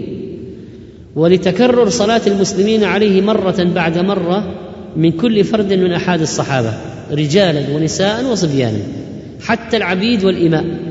قال ابن كثير في البداية والنهاية. وقال الشافعي رحمه الله وذلك لعظم أمر رسول الله صلى الله عليه وسلم وتنافسهم في أن لا يتولى الإمامة في الصلاة عليه واحد. وصلوا عليه مرة بعد مرة. قالوا يا صاحب رسول الله أيدفن رسول الله صلى الله عليه وسلم؟ طبعا السؤال يعني لعل الأنبياء لهم لعل له خاصية لأن أجساد الأنبياء لا تاكلها الأرض ما تصاب بالعفونة. فهل نبقي بارزا ظاهرا أو يدفن؟ ماذا؟ أو أو أنه سيرفع إلى السماء أو يعني قال نعم يدفن يعني يدفن لأن الله قال منها خلقناكم وفيها نعيدكم ومنها نخرجكم تارة أخرى. قالوا أين؟ أين يدفن؟ قال في المكان الذي قبض الله فيه روحه. وهذا من العجب ما كان أحد يعرف حكم هذه المسألة إلا أبو بكر الصديق. وهو سمعها من النبي عليه الصلاة والسلام أن النبي يدفن حيث يموت. مكان اللي مات الذي مات فيه هو الذي يدفن فيه. مات على فراشه في غرفة عائشة اذا تحت الفراش هذا يحفر له ويدفن. فإن الله لم يقبض روحه إلا في مكان طيب. فعلموا أن قد صدق. وبهذا تبين كمال حلم الصديق وفضل الصديق وإحاطة الصديق بالكتاب والسنة. ثم أمرهم أن يغسله بنو أبيه. وهم علي والعباس وابناه فضل وقثم وأسامة بن زيد وصالح مولاه. والمراد ببني أبيه مباشرتهم لغسله والآخرون يساعدون. فمن الذي يتولى الغسل إذن العصبة؟ هؤلاء بنو أبيه. وقد احتاروا عند غسله. هل يجردونه من ثيابه أو يغسلونه فيها؟ لأن الميت الآن الآن ينشر عليه غطاء ومن تحت الغطاء يجرده الغاسل من ثيابه حتى لا ينكش تنكشف العورة. ويجرد من الثياب. فهو يغطيه بغطاء ومن تحت الغطاء يسحب ثيابه لئلا ترى عورته. الآن النبي عليه الصلاة والسلام ماذا سيفعلون عند تغسيله من هذه من هذه الناحية؟ قالت عائشة لما أرادوا غسل النبي صلى الله عليه وسلم قالوا والله ما ندري أنجرد رسول الله صلى الله عليه وسلم من ثيابه كما نجرد موتانا أم نغسله وعليه ثيابه؟ هذه المسألة ما كان يدري أحد عن حكمها. فصار فيها شيء عجيب جدا ويمكن ليس له نظير. اختلفوا فألقى الله عليهم النوم. الذين كانوا يتولون الأمر كلهم ناموا. حتى ما منهم رجل إلا وذقنه في صدره من من استغراق في النوم. ثم كلمهم مكلم من ناحية البيت لا يدرون من هو. أن اغسلوا النبي صلى الله عليه وسلم وعليه ثيابه. هذا ممكن يكون ملك. فقاموا إلى رسول الله صلى الله عليه وسلم فغسلوه وعليه قميصه يصبون الماء فوق القميص ويدلكونه بقميصه. هو هو قميصه الذي عليه يدلكونه به ويصبون الماء عليه ويدلكونه به دون أيديهم. وكانت عائشة تقول لو استقبلت من أمري ما استدبرت ما غسله إلا نساؤه. الحديث رواه أبو داود وأحمد وحسنه الألباني. واجتمع المهاجرون يتشاورون. الآن ما, ما, ما الذي سيكون بعد يعني بعد موت النبي عليه الصلاة والسلام؟ من سيقود الأمة؟ ما هو الحال الآن في قضية قيادة الأمة الآن؟ هذه أمة جمعها عليه الصلاة والسلام. بالدعوة وبالجهاد وبالقرآن وبالسيف. وهؤلاء عرب بينهم حروب أصلا وعداوات. يعني جمع هؤلاء القبائل يعني هذا مجهود ضخم جدا. الآن يعني بعد مات النبي عليه الصلاة والسلام ماذا سيحدث؟ يعني تنفرط القضية كلها يعني ما, ما هي الخطوة القادمة الآن في, في مسألة الخلافة؟ واجتمع المهاجرون يتشاورون. فقالوا انطلق بنا يقولون لأبي بكر إلى إخواننا من الأنصار ندخلهم معنا في هذا الأمر. أمر نصب الخلافة. وكان من جملة القائلين عمر. قال مخافة إن فارقنا القوم ولم تكن بيعة لهم معنا أن يحدثوا بعدنا بيعة. يعني نحن إذا اجتمعنا نحن مهاجرين وقررنا قد هم يجتمعون أيضا يقررون وقرار هنا وقرار هنا. يحدث الاختلاف. فإما أن نبايعهم على ما نرضى أو نخالفهم فيكون فسادا. فانطلقوا. والأنصار مجتمعون في سقيفة بني ساعدة. فلما وصلوا إليهم وتكلموا في أمر الخلافة قالت الأنصار كانوا يريدون أن يبايعوا سعد بن عبادة.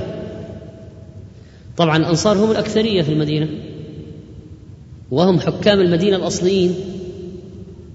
فظنوا أن الآن يعني هم الذين سيتولون القيادة. فبين لهم الصديق أن العرب لا يرضخون ولا يجتمعون ولا يقرون إلا لقريش. هي القبيلة الوحيدة التي يجتمع العرب عليها. والعرب كل كلهم رؤوس. ما أحد يرضى يكون تحت أحد. كل فلما بين ذلك قال فلما تكلم أبو بكر في قضية قريش بعض الأنصار قدموا اقتراحا. قالوا منا أمير ومنكم أمير. فالنبي عليه الصلاة فاحتج عليهم أبو بكر الصديق بحديث النبي عليه الصلاة والسلام الأئمة من قريش. وهذا حديث رواه نحو من أربعين صحابيا عن النبي صلى الله عليه وسلم. الخلافة لقريش. فقال يعني اتركوا الأشياء العقلية ومنا أمير ومنكم أمير نحتكم للشرع. الأئمة من قريش. لا ينتظم الأمر إلا بهذا. هنا فضيلة عظيمة جدا للأنصار أنهم أذعنوا ورضخوا ورجعوا مع أنهم أصلا أهل البلد وهم الأكثرية وهم كانوا الحكام الأصليين. فرجعوا إلى الحديث. ما كان عند الصحابة بالتأكيد نص صريح جدا من هو الخليفة بعد النبي عليه الصلاة والسلام. فالنبي عليه الصلاة والسلام ترك إشارات ترك إشارات إلى أن الصديق هو الذي هو الذي يكون خليفة بعده لكن لم يترك نصا قاطعا ولو ترك نصا قاطعا ما اختلف الصحابة فأجمع الصحابة على نصب إمام واحد وهو من قريش لكن من هو؟ من هو؟ فقال عمر من له مثل هذه الثلاثة ما هي الثلاثة؟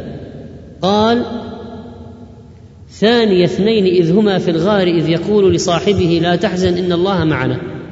فيقول عمر من الذي له فضائل مثل هذه الفضائل الثلاثة إلا صديق؟ فما هي الفضائل الثلاثة؟ أولا ها؟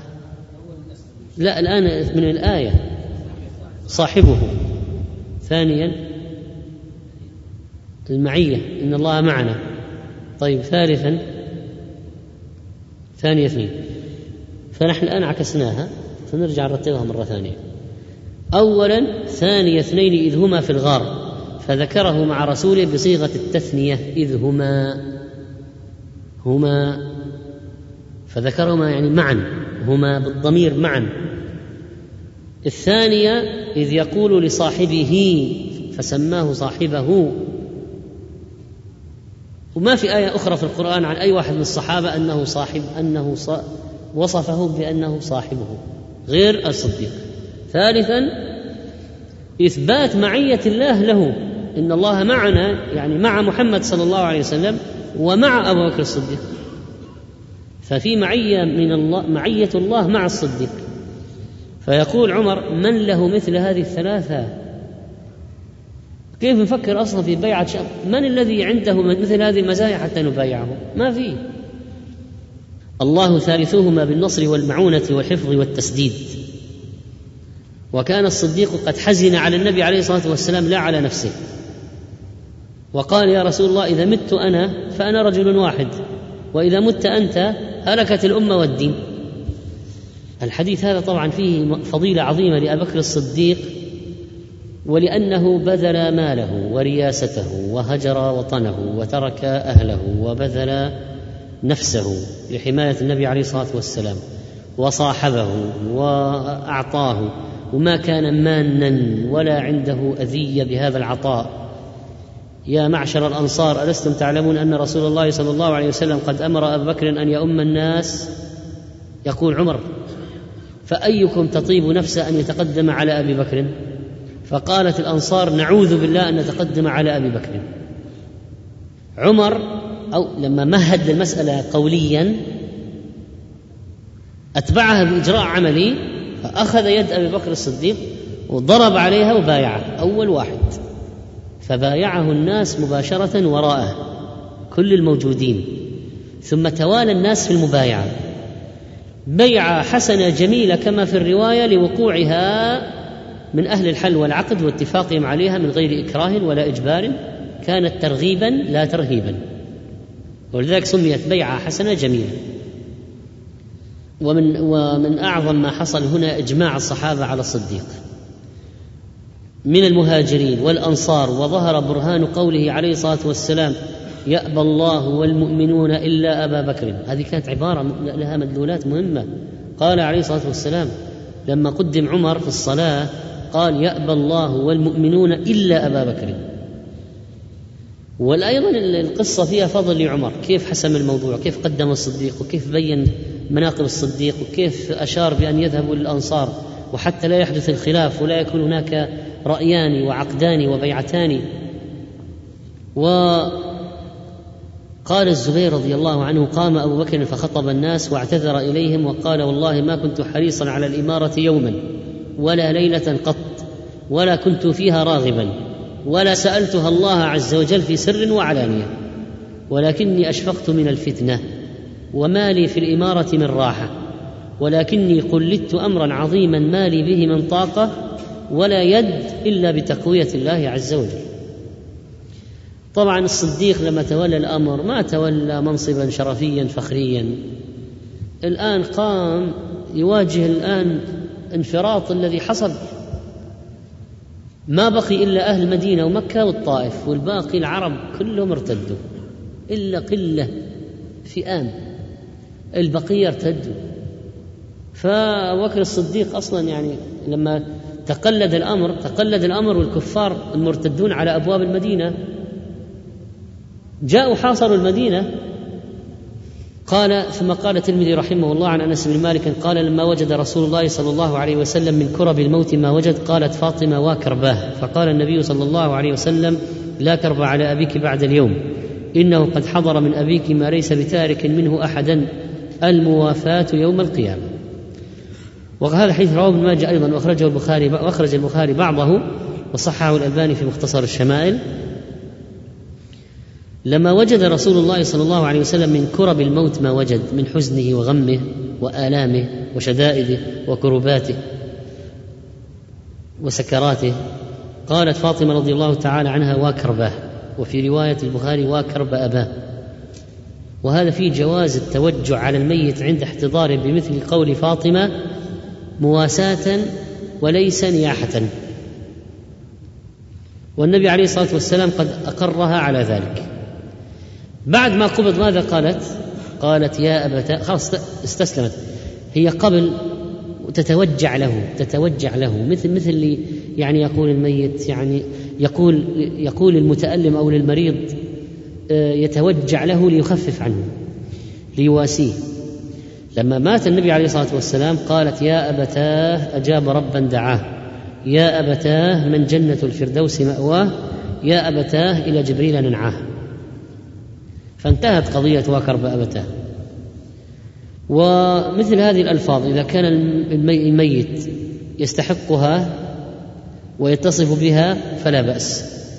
أما أن, أن أما أن يحدث عند الموت أن يقول وجبلاه وسنداه وظهراه وظهراه فإنه يلهز في قبره ويعذب بهذه الألفاظ. ويقال أنت كذلك أنت كذلك؟ إذا كان لا يستحقها. فينبغي الحذر من النياحة ورفع الصوت بمثل هذه الكلمات. بخلاف ما لو كان يستحقها وهو لها أهل. فقال النبي عليه الصلاة والسلام لما سمع تقول وكرب اباه لا كرب على ابيك بعد اليوم. وهذا تسلية لها في المقابل. فإن الألم فإن الموت الآن سيقطع الكربات كلها. تنتهي. ولا كرب على ابيك بعد اليوم. فهي مرة واحدة نزل الموت وله شدة. لكن إذا إذا انتهى الموت ما في انتهت الشدة. انتهت الشدة. لا كرب على أبيك بعد اليوم لأنه سينتقل إلى نعيم من الله وروح وريحان. وما لا عين رأت ولا أذن سمعت ولا خطر على قلب بشر. وسيخرج من الدنيا الفانية بما فيها من الغصص والمنغصات والأمراض والآلام والأحزان والغموم والهموم والأذى. فلا كرب على أبيك بعد اليوم. إنه قد حضر من أبيك ما ليس بتارك منه أحدا. الموت لا يترك أحدا. فحضر الموت ولا بد أن تسلمي وترضي. وحتى تكون الموافاة يوم القيامة. ففي إشارة إلى أن فاطمة ستلتقي بأبيها يوم القيامة. الحديث الأخير في هذا الباب عن ابن عباس أنه سمع رسول الله صلى الله عليه وسلم يقول من كان له فرطان من أمتي أدخله الله تعالى بهما الجنة. فقالت عائشة فمن كان له فرط من أمتك؟ قال ومن كان له فرط يا موفقة. قالت فمن لم يكن له فرط من أمتك؟ قال فأنا فرط لأمتي لن يصابوا بمثلي. الحديث أخرجه الترمذي وأحمد ولكن ضعفه الألباني وقال ابن رجب له شاهد. وصحح حديث أحمد شاكر رحمه الله في تعليقه عن مسند. يقول من كان له فرطان يعني ولدان لم يبلغا الحلم مات قبل البلوغ. فعند ذلك سيسبقاه إلى الجنة. الفرط السابق أنا فرطكم على الحوض يعني أنا سابقكم على الحوض. يوم القيامة أول واحد عند الحوض النبي محمد صلى الله عليه وسلم. فالذي سبقه من أولاده قبل أن يموت مات ولدان له أدخله الله بهما الجنة. قالت عائشة فمن كان له فرط؟ طيب لو واحد واحد من أولاده سبقه قبل أن يموت مات قبله فما حكمه من ناحية الثواب هذا؟ قال ومن كان له فرط يا موفقة. يعني في الخيرات ومسددة في رأيها وسؤالها. يعني أيضا أيضا قالت فمن لم يكن له فرط؟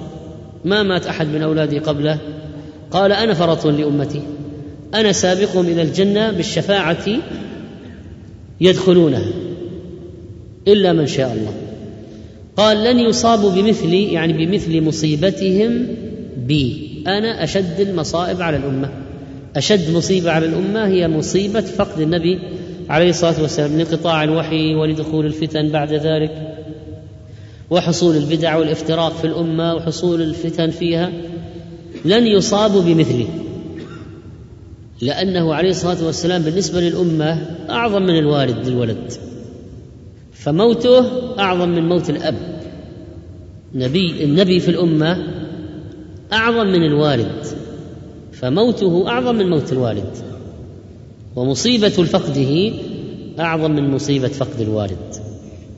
وقد أخرج مسلم في صحيحه عن أبي موسى أن النبي عليه الصلاة والسلام قال إن الله إذا أراد رحمة أمة من عباده قبض نبيها قبلها فجعله لها للأمة فرطا وسلفا بين يديها وإذا أراد هلكة أمة عذبها ونبيها حي فأهلكها وهو ينظر فأقر عينه بهلكتها حين كذبوه وعصوا أمره.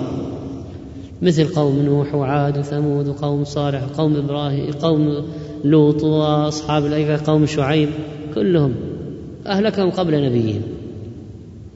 فلما قال أنا فرطكم فيه بشرى عظيمة لهذه الأمة لأن قبضه قبلنا فيه رحمة لنا. وجاء عند ابن ماجه عن عائشه ان النبي عليه الصلاه والسلام قال يا أيها الناس أيما أحد من الناس أو من المؤمنين أصيب بمصيبة فليتعز بمصيبته بي عن المصيبة التي تصيبه بغيري. فإن احدا من أمتي لن يصاب بمصيبة بعدي أشد عليه من مصيبتي. حديث صحيح. فأي مصيبة تحدث لأي واحد يتأمل مصيبة فقد النبي عليه الصلاة والسلام تهون عليه مصيبته. لأنه لا يوجد مصيبة أعظم من فقد مصدر تبليغ الوحي والمعلم والمربي والقائد والنبي والمؤدب والقدوة والأسوة. ما ما يوجد. وإنما كانت أعظم الوصائب انقطاع الوحي وظهور الشر بارتداد العرب وتحزب المنافقين ووقوع البدع والافتراق ومجيء الأعداء وحصول القصور. وبعد الخلافة الراشدة انفتحت أبواب الشر. هذا والله تعالى أعلم وصلى الله على نبينا محمد.